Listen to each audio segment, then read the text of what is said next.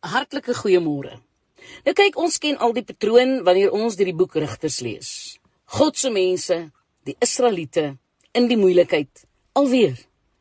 Dit was natuurlik deur hulle eie te doen. Hulle het weer dinge gedoen en met afgode gelol wat hulle van God laat wegdryf het. En so het die Here die volk weer aan 'n vyand oorgegee. En hierdie keer was dit Jabin, die koning van Kanaan. Nou hy het deur sy magte die Israeliete 20 jaar lank onderdruk. Nou wanneer ons menslik daaroor dink, was Israel glad nie opgewasse teen die hoof van koning Jabin se weermag nie. Sisera het 900 strydwaans gehad.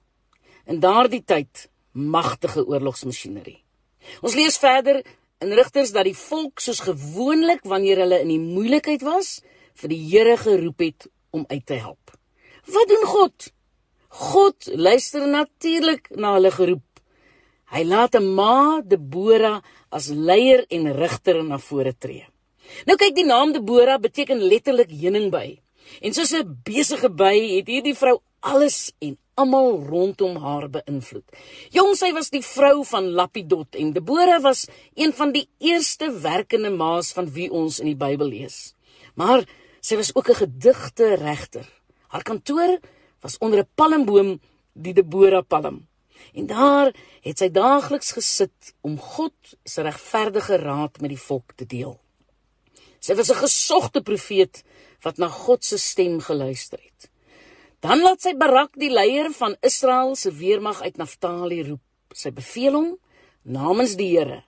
Hy moet die Kanaaniete se leerhoof Sisera by die Kisonspruit gaan aanvat en verslaan. Sommer so. Nou wat sê die groot generaal Barak dan vir Debora? As u nie saamgaan nie, gaan ek nie. Jong sy antwoord hom moedig en met selfvertroue.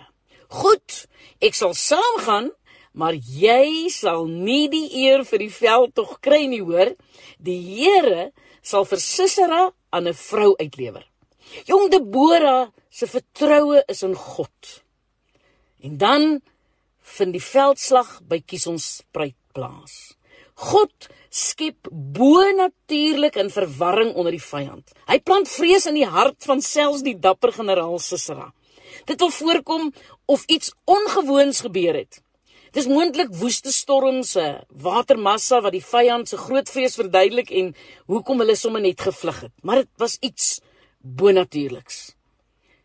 En dan wat gebeur? Sisera skrik so groot Hy laat sy magtige eysterwa agter. Ja, hy spring van hom af. Hy hardloop, hy vlug. Hy dink glad nie meer helder nie. Hy kan skaars dan sy geluk glo toe hy op 'n tent afkom. En dan is Jahel daar. Sy's vriendelik. Sy nooi die vreemdeling in en sy gee vir hom ryk bokmelk as hy water vra.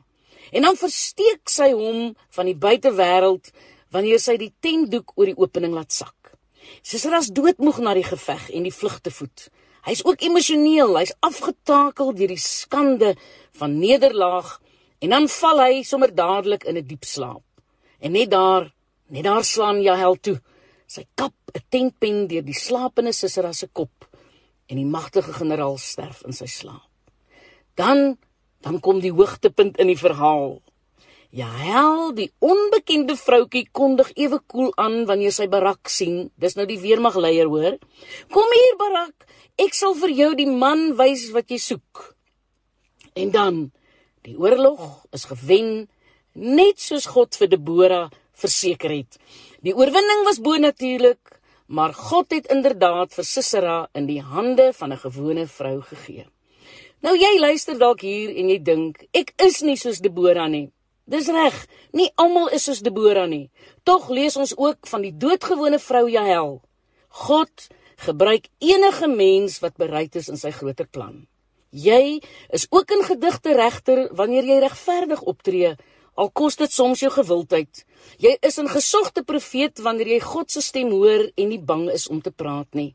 Jy is 'n bobaas rigter wanneer jy jou medemens sonder voorwaardes dien.